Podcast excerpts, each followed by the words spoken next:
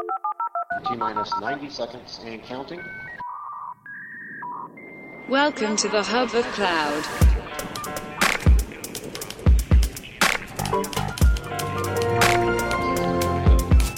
Hallå, hallå Niklas! Hej! Hur var du? Ja men det är bra, hur är det själv? Jo men alltså jag är taggad. Taggad på ett nytt avsnitt av eh, Cloudpodden. Ja, Måste vi, det, du har ju lite förkärlek till dagens tema ändå. Ja, eh, alltså det är ju en, ett fantastiskt verktyg faktiskt. Eh, så att, eh, men det ska bli skitkul idag. Vad ska vi Eh, prata om? Vi ska prata om eh, Microsoft Teams. Nu kör vi! Vad är grejen med Teams? Kan du inte berätta lite kort vad det är för någonting? Alltså det började ju egentligen för ganska länge sedan med massa olika typer av eh, försök till att eh, kunna kommunicera internt med, med hjälp av kanske Skype eller OCS som det hette innan då. Och sen så har man samlat rätt mycket olika applikationer och funktioner eh, via Teams. Så det är ju inte bara chatt och sådär. Och det finns ju extremt mycket konkurrenter också såklart på eh, marknaden. Eh, Slack är en, Zoom, du har Google Hangout och sådana saker. Men jag har väl ändå på något sätt fastnat för Microsoft Teams. Tycker det är en rolig och, och väldigt kreativ och produktiv produkt. Och idag så vill vi lyfta möjligheterna som finns för företag i Microsoft Teams och Mm. hur man kan anamma och ta tillvara på de här coola featuresarna som finns i det här verktyget. För det är ju ändå navet av lagsamarbete på det här moderna sättet. Ja men verkligen och, och, och vi vill ju att eh, ni ska ta med er ganska mycket från det här avsnittet. Just vad det kommer till kreativitet, produktivitet, hur man kan samarbeta och få igång effektiviteten eh, och eh, platsoberoende också i, eh, med hjälp av, av verktyget.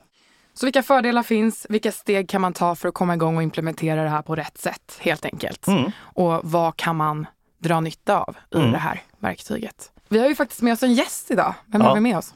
Vi har ju med oss Theodora från Microsoft. Hej Theodora! Hej! Gud vad kul att vara här. Tack för att jag fick eh, komma. Jätteroligt att ha dig här. Hej Theodora! Trevligt att träffa dig. Trevligt att träffa dig också Luna. Kan du inte berätta lite om vem du är? Ja, men självklart. Jag är eh, produktmarknadschef på Microsoft Sverige eh, för användningen av just Microsoft Teams. Men även användning av Windows 10 och Office Pro Plus. Och du gillar Teams? Jag älskar Teams. Ja. Vad är det som är så bra med Teams?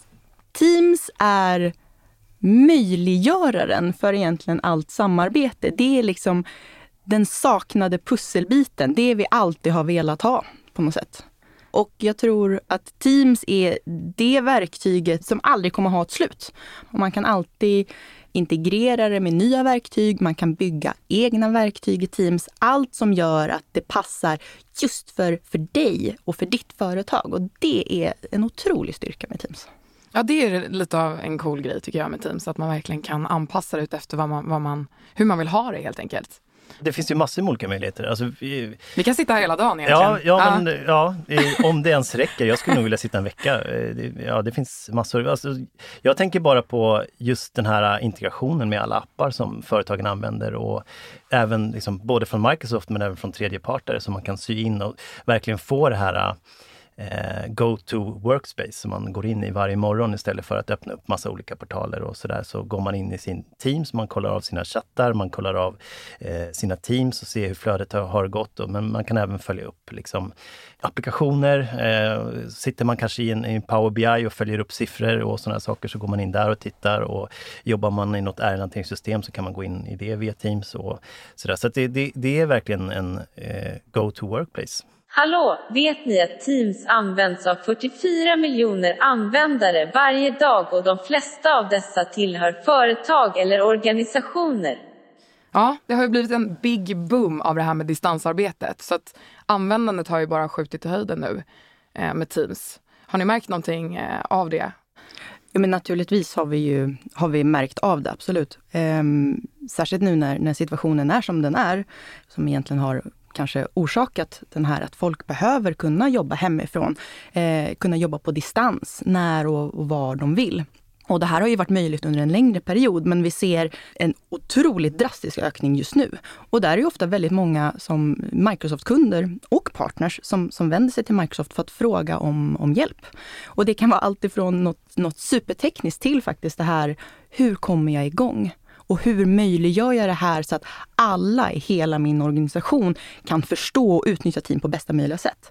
Så vi har så otroligt mycket spännande konversationer just nu eh, som, är, som är jättehäftiga. Och, det, och det, man märker det, det har varit ett intresse förut men nu är det helt, ja, vi har att göra helt enkelt. Vad roligt. Mm, det är fantastiskt kul.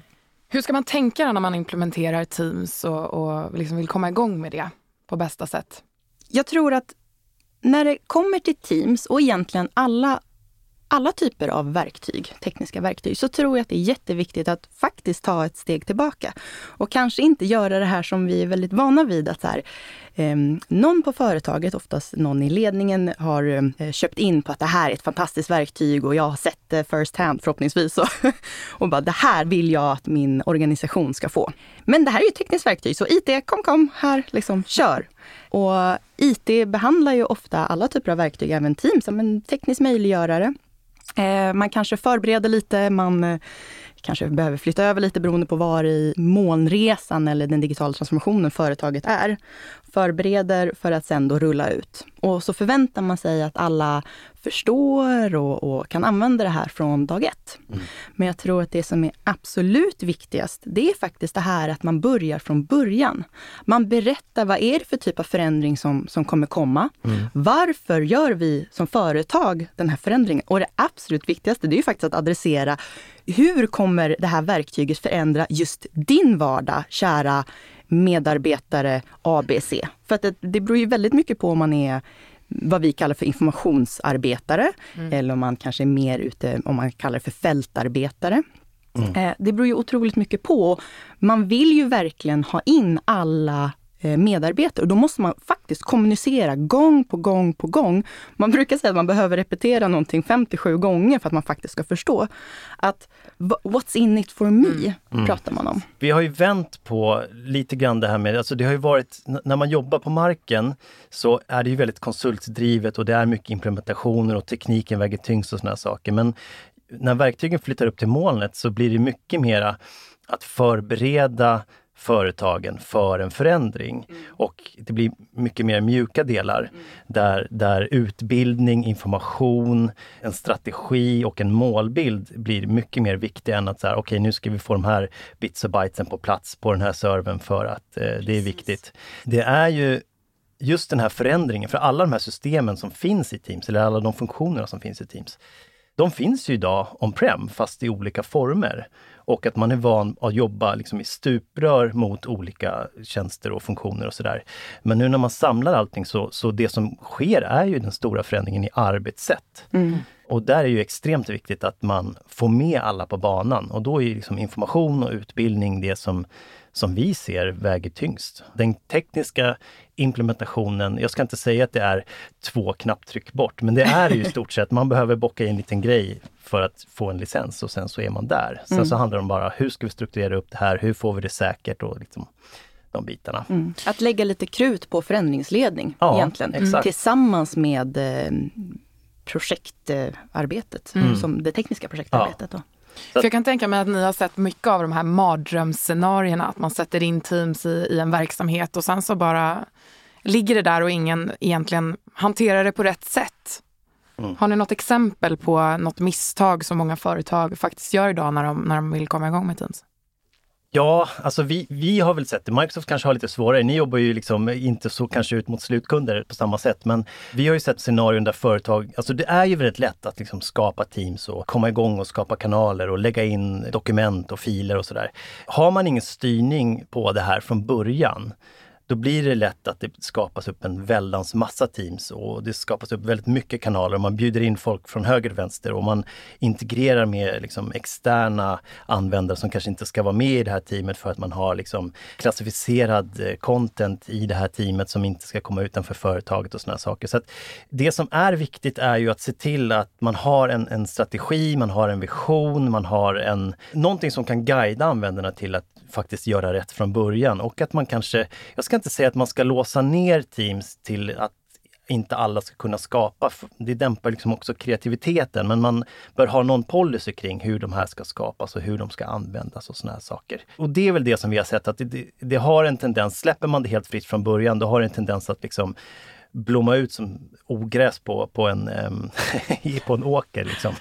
Precis. Ja. Mm. Och jag tror att det där är lika viktigt egentligen att positionera alla andra verktyg man har, oavsett om man har bara Office 365-verktyg eller andra, men faktiskt att positionera Teams. När använder vi Teams? När använder vi e-post? När använder vi Yammer?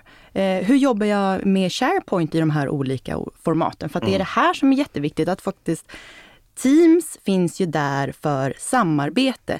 Det är alltså att man skapar en grupp för, som är till för människorna som jag jobbar kontinuerligt med. Som jag vill att det innehåll, alltså det content man skapar tillsammans, det ska träffa de personerna i den här gruppen. Och om man jämför då till exempel med, med Yammer, då är ju det ett verktyg där man egentligen diskuterar kanske mer av eh, ett ämne.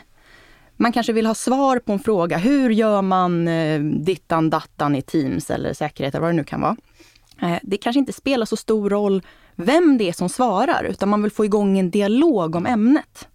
Mm. och Yammer är till exempel också mycket bättre för, för broadcasting på ett sätt, att man faktiskt talar eh, till exempel på företags eh, månadsmöten eller liknande. Och sen så får jag faktiskt väldigt, väldigt ofta den här frågan bara, jaha, men e-post då? Glömmer ni den?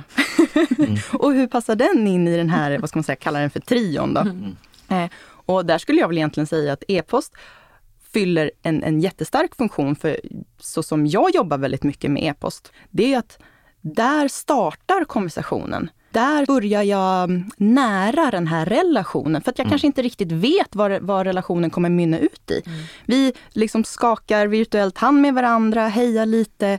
Vi börjar prata om så, vad, är det vi vill, vad är det vi vill skapa? Vad är det mm. vi vill samarbeta kring? Och när den relationen är mogen så, så tänker jag att man då flyttar över den till Teams. Mail är ju faktiskt ofta idag någonting man gör med eh, externa parter. Exakt. Mm. Om man tittar på hur, alltså integriteten i Sverige så jag tror att väldigt många kommer att reagera på ett annorlunda sätt om man tar första kontakten via chatt. Liksom företag till företag. Det, det, kommer nog bli jätteklurigt. Jag tror att den här första dejten som man har, liksom, den kommer aldrig... alltså den, den blir svår att liksom få till eh, virtuellt just nu. Men jag tror att ju mognare företagen blir att använda det här så kommer den första interaktionen via Teams inte vara speciellt eh, svår. Du lyssnar på Cloudpodden. Men det sägs ju man kan inte lära gamla hundar att sitta. Så hur ska man liksom skärma de här som vägrar ta till sig Teams och bara mejlar eh, och, och, jobba genom mejl hela tiden? Niklas, du mm. har ju något, något hemligt knep som du har kört med. Jag sätter en sån här intern regel och säger så här som autosvar. Liksom, att så här, vill du nå mig så finns jag på Teams. Eh, externt är ju svårt, liksom så här, hej jag finns på Teams, och bara, vi har inte det tyvärr. Men internt, absolut, sluta mejla. Eh, det är typ det värsta jag vet. Alla mejl som jag vill ha, de ska komma externt ifrån. Eh, egentligen. Den här virtuella handskakningen, sen får vi jättegärna fortsätta i Teams. Vad säger du Theodora med, med mejl? Hur ska man liksom hantera det kontra Teams? Jag tror kanske att Microsoft som företag är ett ganska dåligt exempel med tanke på att vi, vi jobbar ju väldigt mycket med våra egna produkter. Mm. Eh, typ bara. Obviously. Eh, men så jag tror att Microsoft är kanske ett, ett dåligt exempel på, på att vi har inte så himla många som klappar på, på servrar och håller hårt i outlooken. Och, och, så. Vi har faktiskt inte det. Men däremot så eh, när vi jobbar med, med kunder och hur vi vägleder dem, för att de möter ju på motstånd internt. Där mm. det faktiskt är folk som säger, eh, vi vill, eh, jag vill ha min plats här, jag vill ha mina permar, det här molnet är, och det är mm. oftast en osäkerhet på alla möjliga sätt. Mm. Alltifrån eh, rädsla för säkerhet till att man faktiskt inte vet hur man gör, fast man kanske inte vill erkänna det, och rädsla för förändring. Men där tror jag helt krasst att man ska foka på de som faktiskt vill förändras. Mm. i första hand. Och jag tror att när man långsamt då det här företaget, organisationen börjar ställa om, då kommer de här, de som verkligen inte vill, som sitter och klappar på, på, på Outlook, mm. förhoppningsvis då, eller vilken, vilken mailserver de nu har, mm. eh, de kommer nog sakteliga liksom bli mer eller mindre tvingade in i Teams för att de missar ju konversationen. De missar samarbetet. Mm. Um, så jag, jag tror nog på den lite så här att leda vägen, uppmuntra dem som, som anammar, eh, fostra dem som är, som är försiktigt nyfikna och de som faktiskt sitter där och, och hoppas på att eh, faxen ska göra comeback. De, mm. eh, låt dem vara. Hur jobbar ni på Microsoft, Theodora, med Teams idag? Vi jobbar nog ganska mycket som vi lär, som vi har varit inne på lite, lite tidigare. Att vi, vi använder Teams till, till alla typer av samarbeten och där är det ju faktiskt både internt mellan olika avdelningar, mellan sin egen avdelning, sin egen, sin egen grupp eller team. Eh, men även externt med både partner och kunder och, och gud vet vad, man är, man är med i många teams. Ja. Helt enkelt. Men att man också för den här att vi faktiskt har någon form av att, nej men e-post som du Niklas eh, också har highlightat, är ju det här Mail är mer för externa parter, första handskaket. Vi använder Yammer till exempel just för de här eh, månatliga avstämningsmöten när det kommer till hela liksom, Microsoft som svenskt företag. Den delen, då har vi ju våra sådana typer av möten på Yammer. Vi är väldigt noga med att försöka vara väldigt inkluderande i Teams. Det är ju alltså ett fantastisk möjlighet att vara inkluderande. Så att alla våra möten, när det är kanske veckoavstämningar, vi spelar in. Vi är väldigt noga med det så att de som inte kan vara där, för att vi förstår att det finns viktigare saker här i livet. Och framförallt så är det, ju- det viktigaste är ju kanske inte de här jäkla internmötena, utan det är ju kundmöten. Vi vill ju liksom finnas där för våra kunder, för våra partners. Det är ju där hela vår verksamhet bygger på. Ja. Men då ska man inte känna att så här, ah, jag måste göra A eller B, utan då kan man göra A som är absolut viktigast. Och sen när jag har tid eller möjlighet, då kan jag då lyssna in på det här samtalet för att ändå tillgodogöra mig den informationen som sades där. Så att spela in och, och sådana saker, det är jätteviktigt.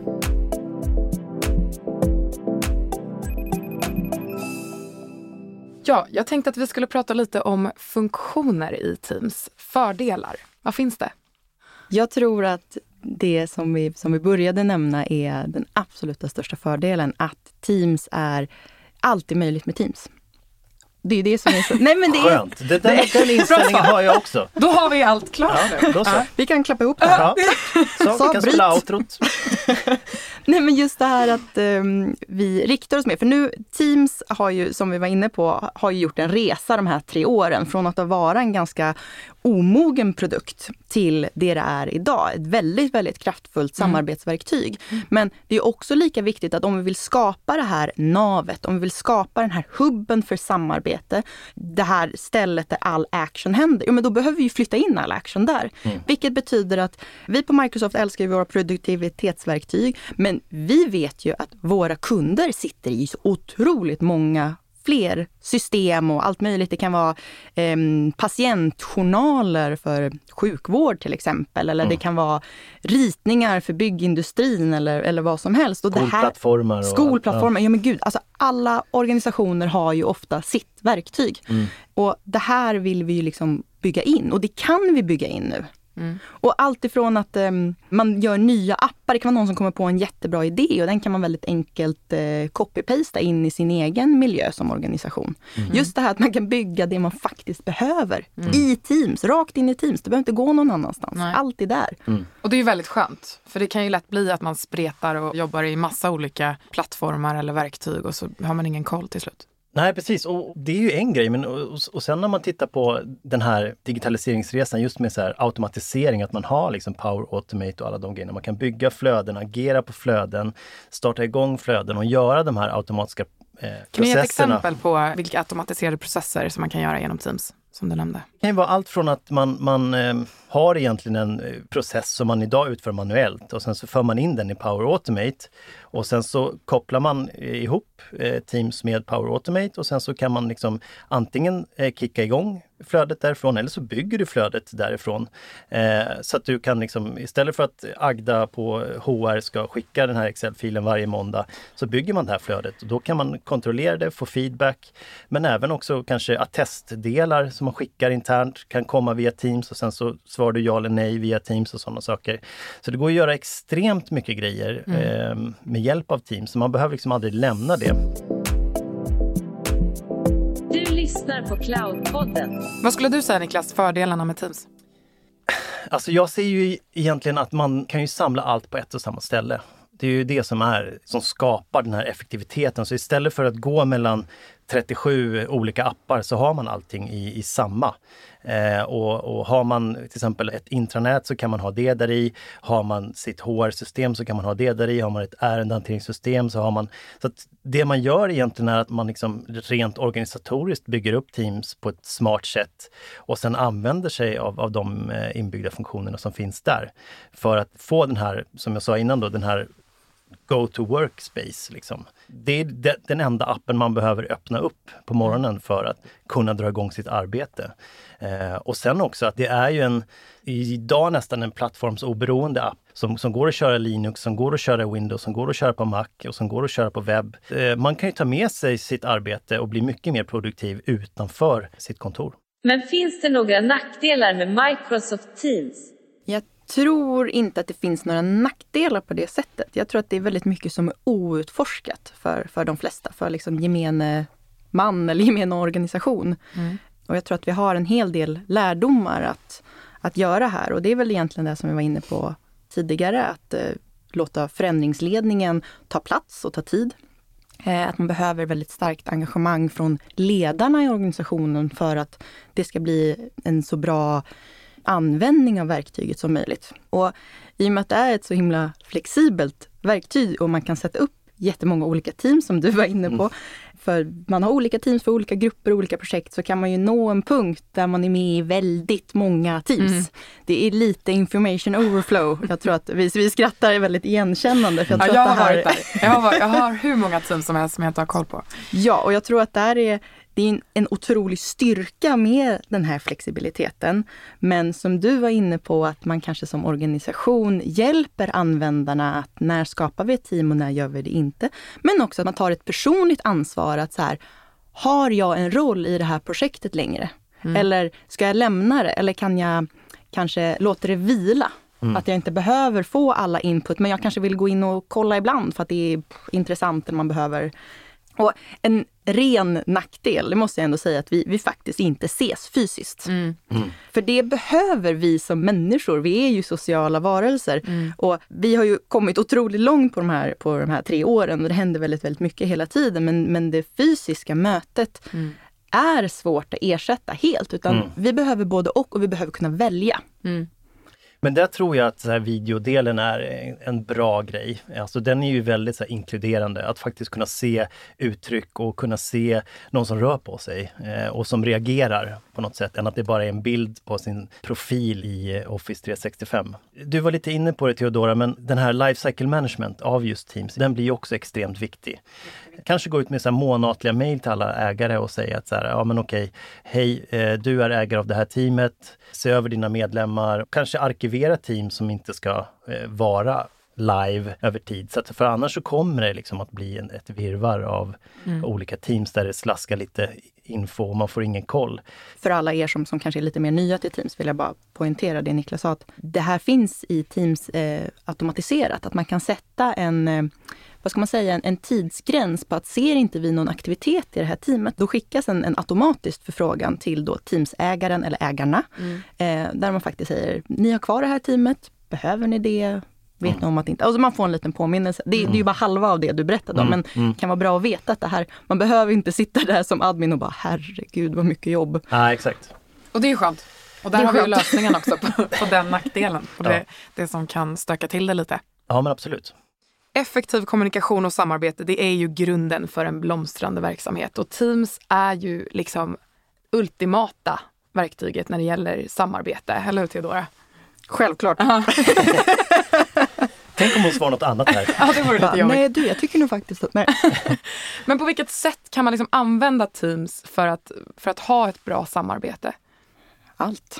Allt. nej, jag ska sluta säga mina såna här jättesvar hela tiden. Eh, nej, men för samarbete, vi har ju liksom, eh, vi har ju Teams, man skapar ett, en grupp, ett team. Mm. Eh, och där är ju verkligen tanken som vi var inne förut. Vilka är medlemmar av det här teamet? Eh, ha liksom också koll på, behöver alla de här medlemmarna eh, delta eller är det mer liksom Eh, for your information eller behöver de faktiskt delta? Vad för information ska vara där? Vad är det vi behöver skapa tillsammans? Ehm, man kan också strukturera med, med kanaler som är väldigt populärt. Beroende, ofta gör man ju det faktiskt beroende på, på ämnen. Att så här, nu ska vi prata om, vi har skapat en projektgrupp. I den här projektet så behöver vi, eh, vi behöver göra en planering för dittan. Vi behöver eh, göra ja, datan mm. och så gör man olika. Men man kan ju även sätta upp det på olika sätt som till exempel eh, en avdelning och de olika undergrupperna på en avdelning så att alla har en, liksom, en kanal. Så det där gör man ju som man själv vill naturligtvis. Men Teams är ju ett ganska roligt verktyg för att vi har ju lite som här, som ni vet att vi har ju då olika giffar, mm. eh, rörliga bilder som man då kan uttrycka känslor. Vi har eh, olika typer av emojis eller smileys mm. för att uttrycka att men det här tyckte jag var bra eller har alla gjort det här? Då kan man göra en tumme upp istället för att skriva så här, ja, jag har gjort det kära chefen Daniel eller vad mm. det kan vara. Och de här videomötena, att det är ju möjlig, möjliggör även ett engagemang beroende på vem du är. Din, mm. din personlighet har rum att komma fram där. Mm. Att man, man kan vara vem man vill. Mm. Liksom, på något sätt. Man, mm. kan, man kan svara jättetydligt och klart. Man kan svara med en GIF, man kan svara med en tumme upp. Eh, I ett videosamtal, man kan ha coola bakgrunder nu för tiden. Mm. Liksom. Och det möjliggör att vara, vara dig själv, din, mm. din egen flavor, din mm. egen smak. Exakt. Ja, men det är mycket roligare att få ett eh, hjärta, brukar jag inte få så ofta, men, men eh, kanske en tumme upp eh, och, och, en glad gubbe än att få ett så här, tack på mail. Ja. Så här, mm. OK. Oj, vad skoj. Du lyssnar på Cloudpodden. Microsoft gjorde ju en, en studie vet jag, av Microsoft Teams för att kvantifiera fördelarna för organisationer och anställda. Och där fick man fram att man sparar fyra timmar per vecka på grund av ett förbättrat samarbete och informationsutbyte på en och samma plattform. Och Teams har ju de funktionerna liksom för att kunna spara tid. Kan ni nämna några av, av de funktioner som finns? Alltså just att man slipper hoppa mellan olika applikationer mm. driver den tiden. Men också den här interaktionen, att det går väldigt snabbt att kommunicera, att kanske samarbeta i dokument och utföra parallella tasks tillsammans i gruppen. Mm. Snarare än att man ska skriva dokument, spara, infoga i ett mail, någon ska öppna och sen mm. versionshantera över i sin mejllåda. Mm. Kommer man in i det här arbetssättet så tror jag man kan spara mer timmar än så. Jag vet inte vilket företag det där var, eller om det var liksom alla företag, men det, det går liksom att effektivisera mycket, mycket mer än att liksom jobba i, i traditionella system. Säkerheten i Teams, hur, hur är det med den? Teams är ju egentligen eh, en del av, av redan befintliga sviter som Office 365 och Microsoft 365 där vi har inbyggd säkerhet för att göra det lätt för användarna. Och om inte säkerheten är inbyggd eh, och enkel eller tillgodose användarnas behov, det är oftast där som säkerhetsbrister faktiskt eh, händer. Att då användarna oftast är vårt, inom citationstecken då, vårt största säkerhetshot på något sätt. Mm. Just att eh, data kan lämna företagets eh, managerade eh, miljö egentligen. Mm. Och det är, det är där, det är det mm. som är läskigt. Man pratar om skugg-IT ganska mycket, att eh, man inte riktigt vet vilken data som har försvunnit och vart den är och hur man faktiskt får tillbaks den. Mm. Det är liksom kontrollen som, som är läskig. Men eh, i Teams så har vi ju liksom såklart tvåfaktorautentisering. Om man vill. Om man vill, ja. om man vill. Herregud, vi pratar om säkerhet här. Vad är det då? Berätta, vad är det? Tvåfaktorsautentisering i sin helhet är egentligen att man på två helt olika sätt ska identifiera sig. Antingen då med biometri, med någonting man kommer ihåg som till mm. exempel ett lösenord eller en pinkod, tumavtryck, you name it, det finns massa mm. olika. Men att man identifierar sig på två olika sätt så att man man minskar det här för att någon har, har råkat komma över ditt lösenord eller det kanske var hösten 2019. Men är det verkligen säkert att hantera sina filer i Teams? Ja. Tvåfaktorautentisering finns i Teams. Jag tänker ge en brasklapp nu när jag har möjligheten mm. att säga att jag tycker att alla bör slå på det. För mm. det är en sån otroligt enkel åtgärd och det höjer säkerhetsskyddet något enormt mm. i förhållande till hur enkelt det är att använda för alla användare. Så, då var det dags för lite tips. Vem passar Teams för, skulle du säga Theodora? Självklart kommer ju eh, svaret vara att Teams är ju byggt precis som alla våra eh, produkter med, med användaren i fokus. Och som vi har pratat om lite innan så finns det ju det här med informationsarbetare vilket till exempel jag tillhör, jag tror att många tillhör. Men vi har ju också de arbetarna som faktiskt gör någonting kanske lite mer manuellt eller man är ute på, på fältet eller kalla det vad du vill. Som vi på Microsoft hänvisar till First Line workers. Och Teams är ett fantastiskt starkt verktyg för att få med sig hela organisationen. Även de här som annars kanske hamnar faktiskt lite utanför. De har inte samma IT-verktyg som information workers, oftast för att de anses kanske inte behöva det. Men om man tittar på, på IT-verktyg som, som helhet och samarbete i synnerhet, som vi har verkligen poängterat med den här podden idag och, och, när vi har pratat om Teams, så handlar det också om att få engagemang från alla medarbetarna, få input och feedback från alla medarbetarna. Vad händer där ute? Vem är bättre på att svara på det än de som faktiskt är eh, ute, oavsett om det är i en butik eller om det är i ett lager eller om det är på en byggarbetsplats eller eh, i sjukvården. Och vi har ju väldigt många, vi har ju satsat otroligt mycket på att få med de här arbetarna in i Teams på olika sätt. Just för att både kunna få ut information till dem, men också få in feedback från dem för att höra hur det funkar och sådär. Men sen är ju också Teams byggd som man kanske inte alltid tänker på för de som ibland kanske har andra typer av svårigheter. Det kan vara att man har läs och skrivsvårigheter. Då har vi verktyg i Teams som hjälper till med att eh, kanske läsa upp ett meddelande, översätta ett meddelande om eh, alla mm. kanske inte är men man kanske har olika typer av, av modersmål. Och vi har olika typer av, om man, om man kanske hör dåligt eh, så kan man läsa det istället och stöd för läsning. Om man, om man läser dåligt så kan man få höra det istället jag tycker att vi har gjort ett väldigt bra jobb med att försöka få med oss alla och göra det tillgängligt för alla. Om man nu som företag känner sig hooked efter vårt avsnitt här om Teams. Vad, vad, är liksom första steget som man ska ta för att få in Teams på rätt sätt, Niklas, skulle du säga? Så lite snabba, konkreta tips. Jag tror att man ska tänka lite grann kring struktur och hur man ska arbeta i Teams. Riktlinjer helt enkelt. Och sen framför allt, det som är den tyngsta biten då, det är ju utbildning och information ut till verksamheten så att man får ut budskapet kring varför man går in i Teams och vad som kommer att förändras. Sen är ju säkerhet en viktig bit att fundera på, hur man vill ha det där kring alla de sakerna som vi har nämnt innan då med diverse olika verktyg. Men också själva life cycle management. Hur ska vi hantera de här teamen eh, över, över tid? Mm. Det tror jag är liksom de konkreta verktygen som man behöver ha med sig i åtanke när man, när man drar igång. Eh, den tekniska delen är ju absolut det minsta i det här fallet. Mm. Utan till vad och varför ska vi använda det här? Och hur kan vi göra det säkert? Hade inte kunnat instämma mer. Nej. Ni är överens? Helt. Skönt. Vilken är din favoritfeature i Teams? Åh, det här är ju spännande för det finns så många. Ja. Men, nej men faktiskt, eh, särskilt nu idag när jag eh, jobbar ju hemifrån, likt många andra just, just nu. nu. Mm. Precis. Sen två månader tillbaka så jobbar jag helt och hållet hemifrån, har inte besökt mitt kontor sedan dess. Och här så tycker jag att det blir väldigt eh, i alla fall för mig så flyter mitt jobbliv och mitt privatliv väldigt, väldigt mycket ihop. Jag jobbar faktiskt mer än vad jag brukar göra för att jag tar inte de här naturliga pauserna på samma sätt. Det är lätt att man jobbar över lunchrasten. Det är lätt att man blir fast i någonting och engagerad i någonting så att helt plötsligt är klockan middagstid. Och där tror jag att det är väldigt viktigt att ibland få kanske lite hjälp med att både hålla sitt privatliv privat och sitt jobbliv till jobbet och att man är liksom lite hård på det där. Självklart ska man ju kunna arbeta när man helst vill, men ibland så behöver man lite hjälp. Och som eh, kanske många vet så finns det i Windows 10 så har vi då Focus Assist, mm. heter en funktion, som gör att eh, egentligen att, att man ska kunna, precis som det låter, man ska kunna hålla fokus på någonting, vilket gör att det inte ska plinga och eh, ditta när jag håller på med någonting. kan jag sätta på Focus Assist. Men jag tror att det som kanske inte alla vet är att när vill jag inte bli störd? Jo, men det, det, är ju då när jag kanske sitter framför tvn eller jag eh, hjälper till med läxorna med barnen och sånt där. Var blir jag störd? För jag har ju faktiskt stängt ner datorn. Mm. Jo, men det är ju mobilen. Och i mobilapplikationen av Teams så finns det någonting som heter Quiet Hours.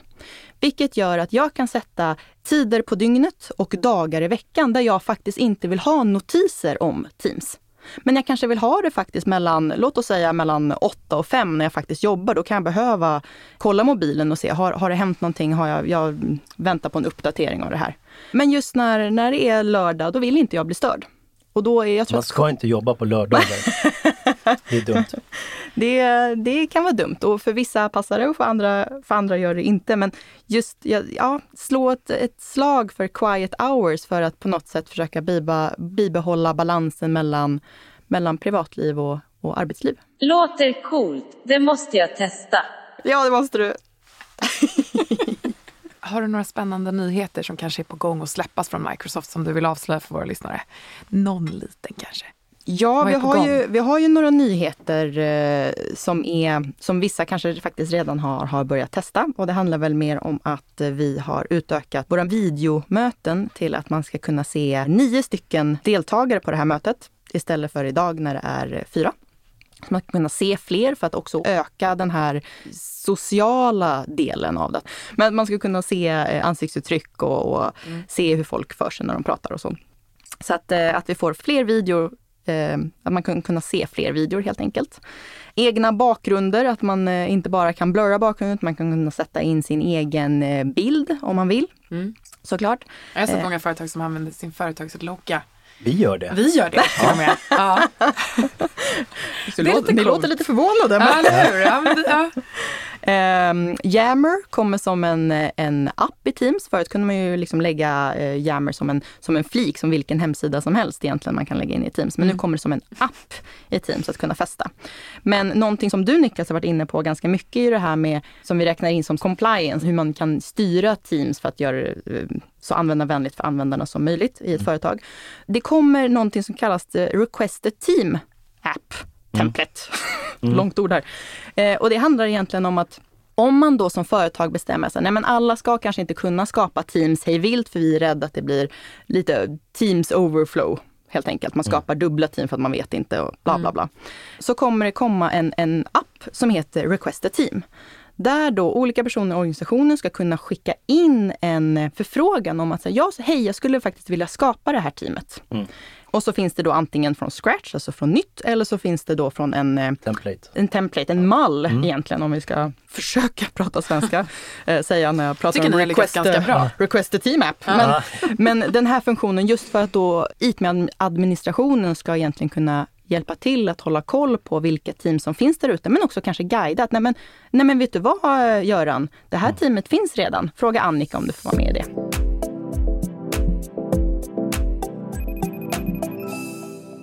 Kort och gott, ett verktyg där allt finns samlat på en och samma arbetsyta. Dina medarbetare kan jobba med projekt, processer, oavsett vart man är, chatta, hålla möten, dela filer. Det är liksom you name it.